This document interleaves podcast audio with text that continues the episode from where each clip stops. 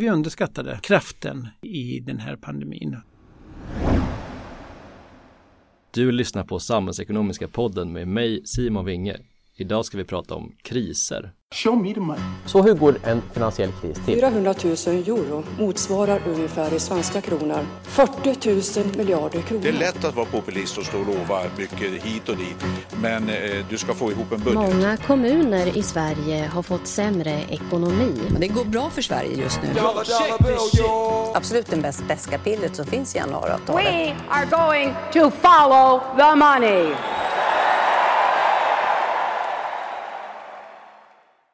Hej och välkomna till Samhällsekonomiska podden som leds av mig, Simon Winge, chefsekonom här på Akademikerförbundet SSR. Vår gäst idag är generaldirektör på Myndigheten för samhällsskydd och beredskap, MSB. Välkommen till studion, Dan Eliasson. Tack så mycket. Mycket handlar just nu om kriser. Året som har gått har präglats av en viss hälsokris, ekonomin präglas av finanskris och om vi blickar in i framtiden ser vi den största krisen av dem alla, men som man brukar säga i Sverige, we have a system. Och vi har inte bara det, vi har en hel myndighet. Dan, du är chef för den myndigheten. Hur jobbar ni egentligen med kriser? Ja, du, jag får nog gå tillbaka till det du sa inledningsvis. Vi har ett system för det här. Eh, men vi måste börja med några grundläggande principer. Vi har ju i Sverige någonting som vi kallar för ansvarsprincipen. Det vill säga den aktör som har den myndighet eller den kommun eller vad du kallar det för eh, den som, den som har ansvar i normaltillstånd har också ansvar för att förbereda sig och för att hantera kriser. Det gör att när det gäller till exempel smittskyddsfrågor så är det ganska självklart att det är Folkhälsomyndigheten som, som har ett ansvar. När det gäller hur vi, hur, hur vi jobbar mot covid, ja då är det metodfrågan i, i hälso och sjukvården. Det är Socialstyrelsen som ger kunskapsunderlag. Så vi har ett grundläggande system. Sen har vi en myndighet som ska hjälpa till om det blir luckor, om det blir oklarheter någonstans. Eh, och det är MSB, Myndigheten för samhällsskydd och beredskap. Eh, och vi har jobbat ihop, vi tre myndigheter, särskilt nära för att försöka då identifiera brister i systemet och att åtgärda dem så att någon tar ansvar för de luckor som finns och så vidare. Så det finns, det finns ett system. Men det viktigaste när man jobbar med kris och krishantering det är att försöka jobba med förebyggande arbete så att kriserna inte uppstår överhuvudtaget. Och då har vi också ett ganska långtgående system där alla offentliga aktörer ska göra risk och sårbarhetsanalyser, fundera på hur deras samhällsviktiga verksamhet kan fungera under svåra påfrestningar. Så att det finns mängder av inslag i det här systemet. Vi kommer säkert tillbaka till delar av det i alla fall. Men det finns som du säger, in Sweden we have a system. Ja men om man tar konkreta, nu har det varit presskonferenser här regelbundet med, vi ska komma in mycket mer på coviden, men om vi börjar där. För då har ju Folkhälsomyndigheten pratat om smittspridningen och Socialstyrelsen har pratat om eh, IVA-kapaciteten. Det är liksom ganska konkreta frågor. Vad, vad, har ni sagt där? Vad har varit er liksom roll på scen i de det, presskonferenserna? Det har skiftat över tid skulle jag vilja säga. I början så var det en hel del eh, luckor i systemet som behövde åtgärdas och diskuteras och vissa saker som behövde kontrolleras. I början pratade vi rätt mycket om till exempel om det skulle bli problem med personalförsörjning eller om det skulle bli problem med kritiska insatsvaror för samhällsviktig verksamhet. Sen sakta men säkert när, när saker börjar finna sin form så drog vi oss lite grann tillbaka. Vi var inte lika aktiva. Ibland så sa vi att vi har ingenting att tillföra just nu. Så det, det, det, det förändrades under tiden. På senare tid så har det varit rätt mycket om attityder hos människor om man följer rekommendationer eller inte. Jag tror igår pratade vi om skyddsutrustning på områden som, som, som inte omfattas av hälso och sjukvård och omsorg. Så att det, det skiftar lite grann på hur krisen utvecklas. Men hur mycket handlar det om att se in i framtiden då? Mm.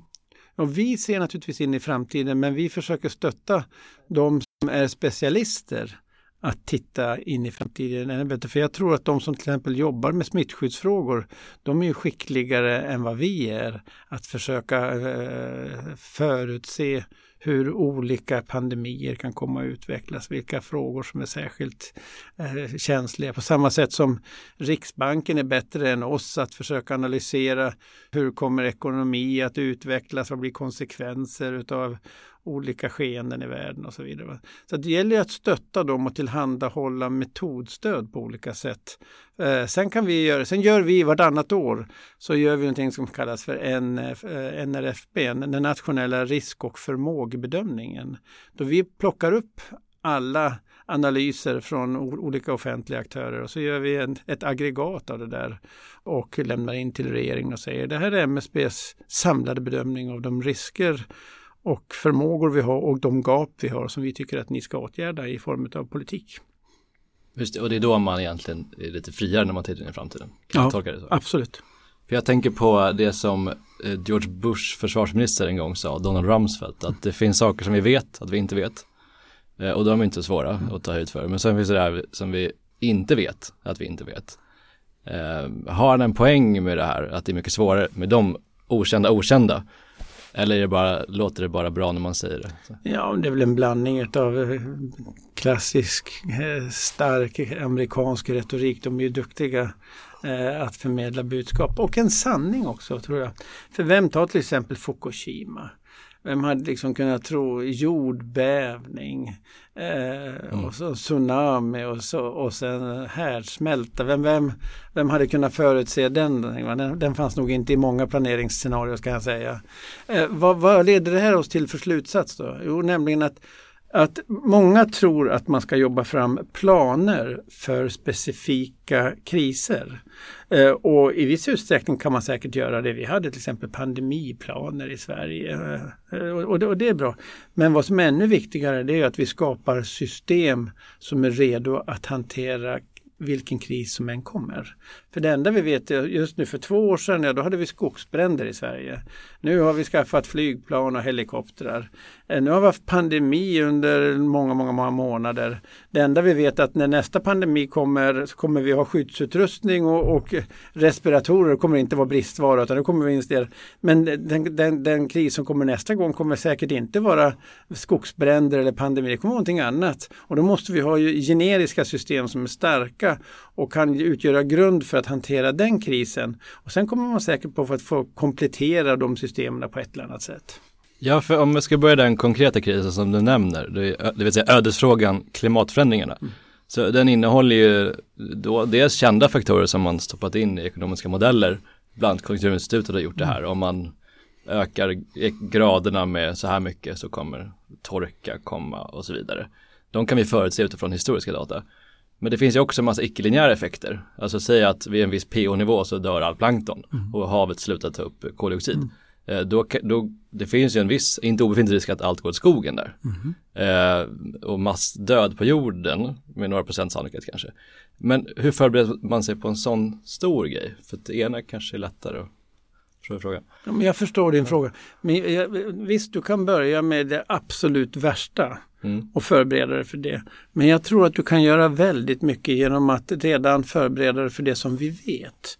Vi vet att Göteborgs stad kommer att ha svårigheter. Man investerar mang, eller man kommer att investera mängder av pengar för att försöka se till att hålla havet på avstånd.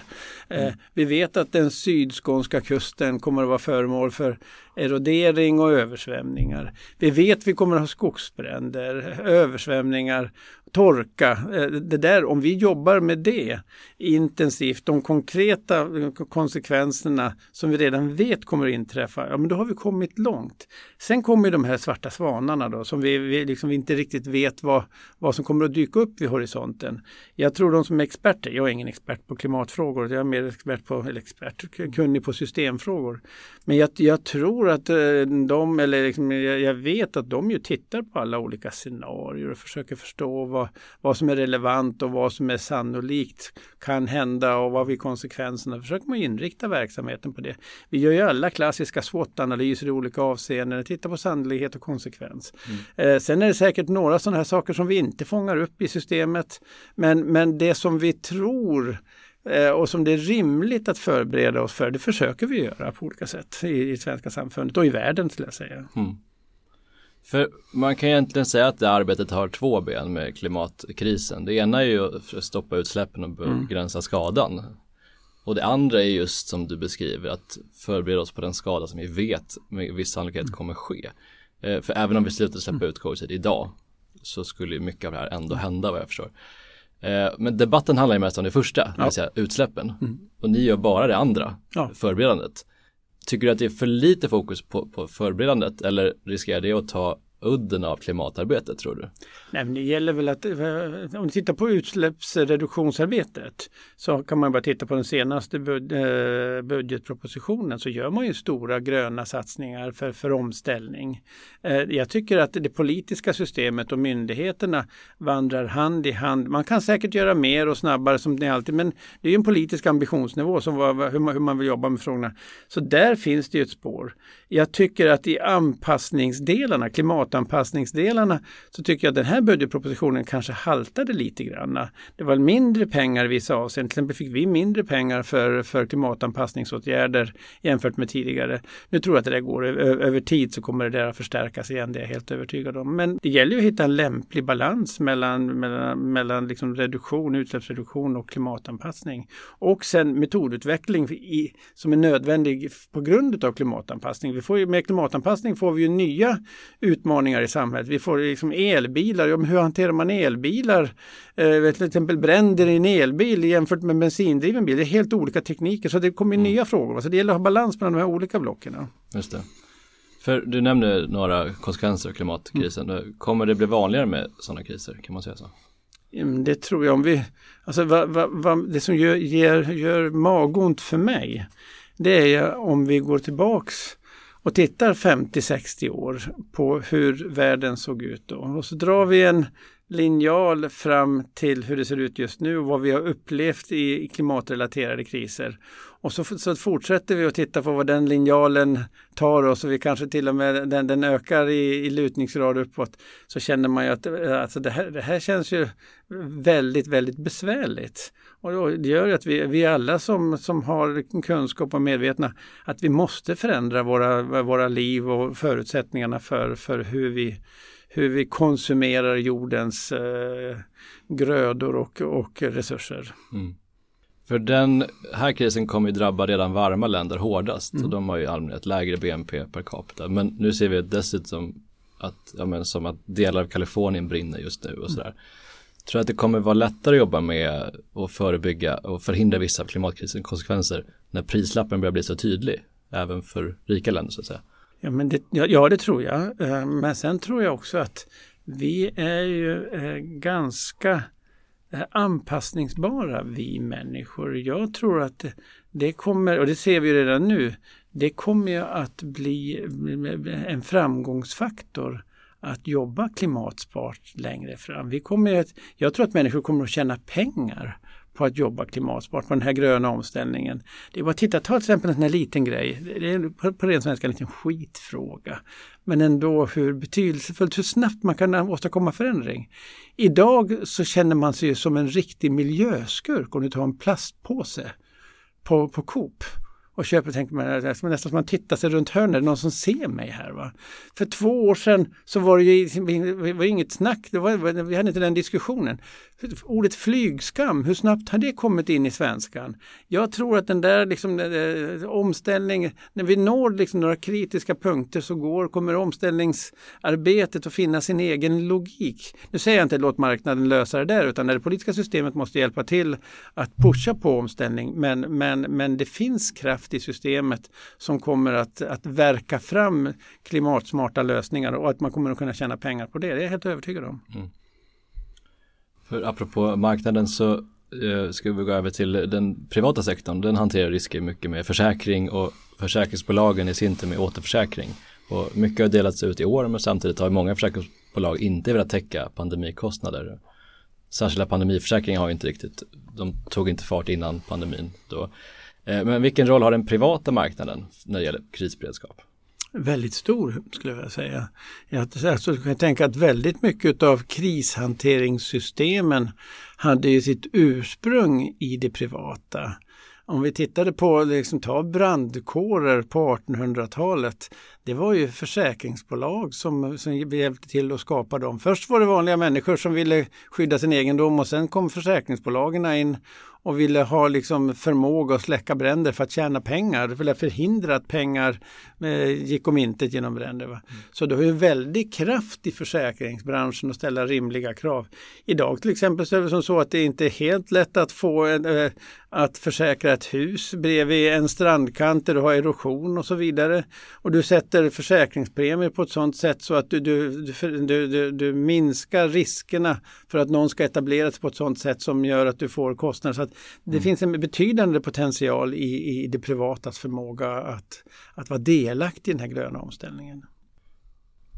Det, det finns, har vi märkt, aktörer som har ett intresse av att destabilisera institutioner och försvaga demokratier. I flera val har vi sett det här. Hur ser du på den här smygande krisen eh, som är lite mjukare kan man väl säga och hur jobbar ni med den? Det där är en av de frågor som, som bekymrar mig allra mest. Eh, vi brukar prata om tre olika cirklar på MSB när vi pratar om utmaningar. Eh, den första cirkeln är den ganska traditionella, den fysiska säkerheten, den territoriella integriteten, försvarsfrågorna, inre säkerhet, polis, rättsväsen och sånt där. De där frågorna är alltid satta under utmaning och man kan alltid diskutera ambitionsnivå, men vi kan, vi förstår den där logiken, hur den fungerar. Den andra rutan, den cirkeln, det är ju cyberdimensionen. Vi har ju liksom gått ut och lever våra liv på ett helt annat sätt och vi är mycket mer sårbara just nu. Där kan man också säga att vi är medvetna om utmaningarna. Eh, vi är inte tillräckligt bra som samfund även om vi är bättre än många andra länder. Och vi vet att det här kommer vara en av de största utmaningarna, cybersäkerhetsfrågorna. Den tredje som är den svåraste, det är ju när de som vill oss illa, det kan ju vara både enskilda, företag, eh, det kan vara stater, organisationer som vill påverka våra skallar, våra huvuden, våra hjärnor. Eh, vi kallar den för den kognitiva arenan. Mm. Eh, vi vet ju liksom att det, det, amerikanska valet, förra amerikanska valet påverkades utav Ryssland. Det är fakta. Vi vet att, att det fanns de typen av inslag i flera europeiska val som, som, som, som du nämnde. Eh, vi såg det inte i, vi såg det inte i någon större utsträckning i det förra svenska valet. Men vi förbereder oss ju för att, att vi ska ha ett säkert och integert val och valrörelse under nästa, under nästa 2022 är det ju då. Så att alla som är inblandade på ett eller annat sätt är medveten om riskerna att man kan faktiskt påverka. Så en del av den polarisering vi ser i Sverige, den, den får ju bränsle från främmande makt som, som vill se en polarisering i olika frågor i Sverige. Det är särskilt typiskt i till exempel NATO-medlemskapsfrågorna där polariseringen är mycket starkare och där de som inte vill att vi ska gå med i NATO vill att vi ska vara mer splittrade. Ja, för en sån polarisering har ju skett just i förtroendet för, för myndigheter om man sa det. Det var ju tidigare en ganska liksom, jämn nivå av förtroende men den har ju nu splittrats efter partilinjer kan man nästan säga. Hur tänker du kring det? Jag vet inte hur mycket det där är kopplat till att främmande makt ja. vill påverka oss. Jag uppfattar det som att vårt land, man använder lite olika termer, men jag kommer själv från landsbygden och jag ser ju hur, hur Stockholms innerstad ser annorlunda ut jämfört med byarna utanför Hedemora där jag mm. kommer. Eh, landet dras isär och det där skapar ju ett missnöje och det där missnöjet ser vi ju då spegla sig i förtroendet för politiker, institutioner, demokrati, valdeltagande. Mm. Så jag tror snarare att det är eh, eh det vi ser i Sverige är snarare ett resultat av hur landet utvecklas snarare än att det är någon främmande aktör som, som, som sitter och styr med tyglar om hur vi ska utvecklas åt något håll. Skulle du ändå kalla det för en kris eller en kommande kris? Om det för en viss nivå så, så slutar folk lita på någon? Ja, men jag tror att, nej jag vill inte kalla det en kris. Ja. Eh, absolut inte en kris. Däremot så är jag otroligt bekymrad över den långsiktiga utvecklingen. Och jag tror att en jätteviktig fråga för det politiska systemet det är att försöka hålla ihop landet så att alla känner tillit till, till institutioner och det demokratiska systemet och känner innanförskap istället för utanförskap. Jag tror att det finns en uppenbar risk som det ser ut just nu att att landet slits isär och, och då kommer det som kanske är vår största tillgång i skattkistan, nämligen förtroendet mellan institutioner och den enskilda, att kunna eroderas. Eh, och då är det allvarligt. Då hamnar vi på marker där vi inte har varit förut. Mm. Vi ska smyga in lite på årets kris, eller en av dem. Jag har varit ute och pratat en del om kopplingen mellan coronakrisen och ekonomin. Och, och det som är slående är hur pass mer sårbart rent eh, samhällsekonomiskt vi har blivit för den här typen av störningar skulle jag säga. För om man jämför med tidigare pandemier av liknande storleksgrad under 1900-talet då fick de inte alls samma konsekvenser för ekonomin. Har vi blivit känsligare för kriser i modern tid? Absolut. Eh, betydligt mer känsliga. Vi, de eh, internationella beroendena ser helt annorlunda ut. Eh, för 30 år sedan så hade vi givet den eh, säkerhetspolitiska situationen med Sovjetunionen på den tiden en väldigt stark eh, eh, offentlig organisation för att hantera till och med det yttersta krig. Vi hade statliga lager, vi hade rådighet över elektricitet, drivmedel, transporter. Sen 90-talet så har, vi, så har vi effektiviserat det offentliga väldigt hårt. Vi har eh, privatiserat, avreglerat väldigt mycket av det som är centralt i samhället när det, när det handlar om kriser eller krig är idag i näringslivets händer. Mm. Så att vi är mycket mer beroende av ett nära samspel, näringsliv och det offentliga idag jämfört med tidigare. Eh, och att inte staten har rådighet behöver inte betyda att landet är, är svagt. Men det, det är nya utmaningar och det offentliga är mer sårbara än det någon gång har varit tidigare. Så det är någon form av mix av det vi blir mer känsliga för kriser utifrån ekonomin. det blir vanligare med kriser eh, som du nämnde också. Och vi har delvis privatiserat krisberedskapen. Det låter som en ganska explosiv eh, mix, eller? Ja, jag, jag tycker du beskrev det väldigt, väldigt bra där. Och om du tittar i tangentens riktning då så förstår du att ja, jag tror inte att MSB kommer att vara utan jobb. Eh, och jag tror att de som jobbar med krishantering, med risk och sårbarhetsanalyser, med kontinuitetsplanering, att förstå hur, hur kritiska beroenden ser ut för att kunna eh, förebygga eventuella brott i kritiska flöden och så vidare. De har en, en, en viktig roll framför sig i, i vårt samhälle. Jag tycker du summerar det alldeles utmärkt. Jag tror till och med jag ska stjäla det där någon gång. Ja, det, absolut. Men tror du att den här kris, äh, acceptansen för krisberedskap har ökat nu när vi faktiskt gått igenom en stor kris i år eller två kanske? Ja, det tror jag. När, när, du kommer ihåg att för två år sedan så gav vi ut en broschyr om krisen eller kriget kommer eller om mm. vilken ordning det nu var. Men, eh, och jag åkte runt rätt mycket i världen då när man fick flyga och träffa kollegor mm. och pratade med kollegor. Och vet du vad alla sa då till mig? Först så pratade man om den här dagordningspunkten man har kommit överens om och man gick igenom om man hade något samarbete med mm. någon fråga. Men det slutade alltid med att de ville prata om broschyren. Mm. Överallt. Och så berätta mer om broschyren. Ja, men det är så märkvärdigt tycker vi. Vi skickar ut ett, vi har gjort det tidigare, vi har den typen av dialog med medborgarna. Då säger de alla, eh, utan undantag, men vad ni är modiga. Mm. Jaha, liksom, det är inte den bild man har kanske alla gånger. Då. Ja, ja, men berätta mer. För det första, ni vågar prata om kriget. Det skulle vi aldrig göra i våra länder. Vi skulle inte våga göra det. För det andra, och det här jag kommer till svaret på din fråga. Ni vågar prata om den enskildes ansvar att vara förberedd. Det skulle vi aldrig kunna prata om i vårt land. För vi, de förväntar sig att det offentliga ska lösa frågan. Ni säger att för att vi ska kunna, det offentliga kunna klara vår uppgift så måste varje person försöka förbereda sig så mycket som möjligt. Det är en central del i krisberedskapen. Det där gjorde att väldigt många som bor i vårt land ändrade sitt beteende. Och nu när vi har covid så märker vi att det är jättemånga som hänvisar till, jo men vi har tack vare broschyren, tack vare att vi har jobbat nu med totalförsvarsförberedelser, så har vi ökat vår förmåga till motståndskraft. Och det har vi haft nytta av i pandemin just nu. Så att, eh, och pandemin kommer att bara späda på den här viljan att ta ett eget ansvar, är jag helt övertygad om. Sen hur långt det där leder, det vet jag inte. Men vi är mer medvetna om att vi är sårbara och vi är mer medvetna om att vi måste själv ta ett ansvar i så stor utsträckning som möjligt. Så att den hjälp som finns kan komma till de som behövs mest. Just det, men översätts det också i mer pengar både på central och lokal nivå? Än. Ja men det gör det. Om du tittar i budgetpropositionen från eh, en månad sedan ungefär. Så, så ser du att man har ett helt avsnitt om totalförsvar. Du ser att du har en, en, en summa pengar som, som reserveras för de kommande åren, som föreslås för de kommande åren.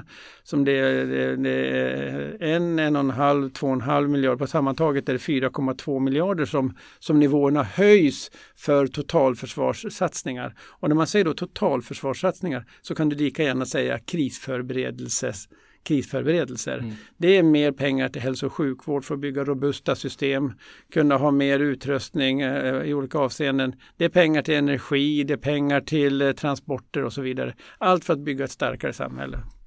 För du är inne lite på att krisberedskap kan kännas dyrt och jobbigt när det är långt mellan kriserna. Det fanns en diskussion här om krigssjukhusen som vissa länder hade kvar och vi hade stor del inte det vad jag förstod. Och de blev lite uppvärderade när man plötsligt behövde tusentals respiratorer och eh, du nämner också er skrift som ju, det var också en del skämt om den. Mm. Att, den var det här man skulle ha, det var väl en påse i toaletten och vattendunk, ja. alltså prepper-skämt förekom mm. ju.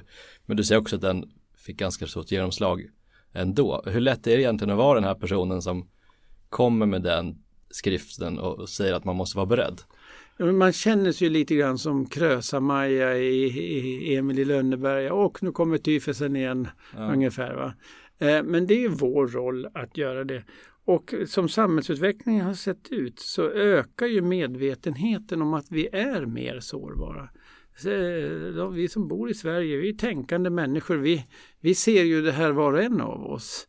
Eh, och jag tror att vi i den miljö vi befinner oss i och den som vi kommer att sakta gå in i ytterligare oavsett det är säkerhetspolitiska hot, klimathot, cybersäkerhetshot, pandemier, så börjar vi bli mer och mer insiktsfulla och förstår att vi behöver betala en försäkringspremie för att ha större förmåga att hantera de kriser vi kommer att utsätta sig för. Eh, vi är ju inte dummare än att vi inser att klimatförändringarna kommer att påverka oss. Ja, vi, måste, vi måste jobba med det. Det kommer att kosta pengar under övergångsperioder. Ja, är vi redo att göra det? Jag tror att väldigt många säger ja, vi, vi, vi får betala pengar för det. Mm. Eh, andra reformer får stå, får stå tillbaks. För en stor diskussion i just efter coronapandemin har ju varit beroendet av andra länder, exempelvis för sjukvårdsmaterial. Eh, och det är en del av en större diskussion om nationell självförsörjning om till exempel livsmedel och så. Hur viktigt är det att vi är självförsörjande på vissa saker nu i ljuset av vad som faktiskt kan hända? Jag tror att det är väldigt, väldigt farligt om vi går tillbaks till att tro att vi ska vara självförsörjande i alla delar. Jag tror att vi bygger säkerhet genom att bygga oss samman med andra aktörer.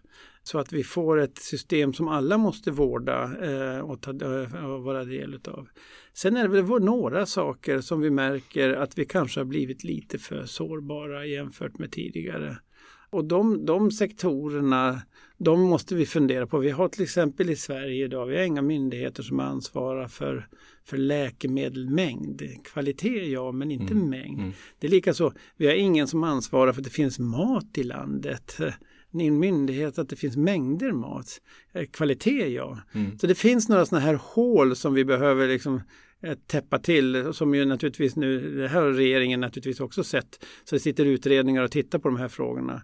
Men låt oss inte tro att vi ska kunna komma tillbaka till någon typ av 50, 50-talets eh, självhushållningstanke eh, igen. De, de internationella beroendena eh, och de internationella systemen har utvecklats på ett sådant sätt. Det går inte att rulla tillbaks helt och hållet. Mm. Däremot tittade vi som mest sårbara och sett in lite stötar där. Där, där finns det anledning att fundera. För just det samarbetet var ju mycket föremål för Eh, stora rubriker kan man säga efter EU håller på att bryta ihop när Tyskland stängde gränsen mot oss och så, eller mot Danmark och så vidare. Men om man ska, kan du ge någon recension i vad som i praktiken skedde? Hur väl fungerade samarbetet under coronapandemin och hur mycket var stora ord? Men är det inte som så att när, när det är väldigt spänt och svårt så, så minsta lilla händelse som på något sätt kan eh, leda oss i fel riktning uppfår ju stor uppmärksamhet. Men hur många var det som uppmärksammade att vi till exempel med våra nordiska kollegor hade, hade konferenser varje vecka för att jämföra händelseutveckling och se om vi kunde, om vi kunde vidta någon åtgärd att vi säkrade att räddningstjänster kunde åka över gränsen även om det var coronastängt. Att vi kunde skicka flygplan, helikoptrar om det skulle bli skogsbränder. Det är ingen som ser. När, när hissen går är det ingen som skriver om det men när den stannar så blir det stort. det är väl inte, jag tycker var och en som är kritisk ska väl titta på det här återhämtningspaketet som ju EU eh, förhandlade fram med en stor del bidrag och en stor del lån. Ett gigantiskt finansiellt paket. Det säger väl någonting om EU-solidaritet. Att sen några politiker i någon del av Europa fick lite panik och inte visste vad man skulle göra och stängde ner på ett sätt som kanske inte var så bra för den europeiska solidariteten. Ja, men det får man väl se som eh, lärdomar Eh, att sånt händer men, men dra inte för långtgående slutsatser av det utan titta på det stora som har skett så är det ju en otroligt gemensam styrkedemonstration som EU har stått för. Just det. Och för i någon mån var det en ganska känd okänd om man ska återkoppla till samma begreppsram att epidemiologer har ju pratat om att pandemin kommer att komma. Det är bara en fråga om när. Så att på så sätt var det ju inte så mycket nytt. Men var det någonting som var oväntat skulle du säga i den här pandemin? Ja, jag tycker att vi i Sverige nu när Coronakommissionen tittar på det här så finns det några saker som vi behöver fundera på. Våra pandemiplaner var ju alldeles för veka. De var alldeles för veka. Vi såg inte magnituden, kraften i det här. Vi såg inte, som du säger tidigare, de ekonomiska konsekvenserna. Vi såg inte konsekvenserna om psykisk ohälsa, att det skulle bli så långtgående. Så, så vi, vi som samhälle och vi som då, alla som har jobbat med, med att förbereda oss för en, en pandemi, nej men vi underskattade kraften i, i den här pandemin och i pandemier som skulle komma. Vi trodde ofta att pandemier skulle vara någon form av influensaliknande historier. Det, det här vart någonting annorlunda. Så det är väl en lärdom. Återigen, vi var för klena, vi, hade inte, vi var inte tillräckligt robusta. Eh, det, det, var ett sätt i våra förberedelsearbeten. Det andra som jag tycker är lite besvärande, men det får ju också Coronakommissionen titta på. Alltså 31 december tror jag var första varningen från Wuhan Mm. Eh, vi hade hela januari, hela februari på oss och förbereda oss. Vi hade första fallet i slutet av januari. Fortfarande har vi brister i, i personlig skyddsutrustning och vårdplatser i, i, i mars-april. Vi hade lång tid på oss att förbereda oss. Eh, vår, vår beredskap var inte god eh, som sades. Va? Så att eh, där finns det saker att, att lära sig. Eh, Eh, och sen är det ett antal beslut som är lätta att ha synpunkter på så här i efterhand när man har facit. Va? Men, men några sådana här funderingar hade vi, varför var vi, varför var vi inte snabbare på det för helt enkelt? Jag tänkte vi ska börja runda av här, men jag tänker att en sista fråga skulle kunna vara lite handla om oss här som fackförbund och frågan om organisationer bör vara mer beredda på kriser. Borde vi till exempel vara mer beredda på klimatkrisens konsekvens för arbetsmarknaden eller något liknande? Ja, absolut. Eh, eh, jag är helt övertygad om att varje aktör måste titta på, på samhällsutvecklingen utifrån sitt perspektiv. Vad innebär det här för de yrkesgrupper som ni organiserar? Hur kan ni ge stöd i olika eh, avtalsskrivningar med arbetsgivaren? Hur kan ni se till att vi kompetensutvecklas åt rätt håll givet den samhällsutveckling vi ser? Det finns ju mängder av saker som, som, som ni behöver ni behöver se. I den här miljön just nu när vi börjar jobba hemarbete, jag är helt säker på att ni för, utan att vara inne i det, men att ni för samtal om hur, hur ska vi utrusta oss för att kunna klara av arbete, hemmamiljö, arbetstider, arbetsmiljö, utrustning och så vidare. Så att eh, jag, jag, jag tror att det här är jätteviktigt för er att, att ha, ha fingrarna i, i myllan verkligen i samhällsutvecklingen. Även på när det gäller kriser och om de så är klimatrelaterade eller någon annan. Och försöka liksom, företräda era medlemmar på bästa sätt. Jag tror de förväntar sig det utav er. Tack så mycket. Tack så mycket. Och det var allt från Samhällsekonomiska podden idag. Vi tar oss an de stora samhällsfrågorna med både ekonomisk och facklig utgångspunkt. Samhällsekonomiska podden görs av Akademikerförbundet SSR, Sveriges ledande samhällsvetarförbund.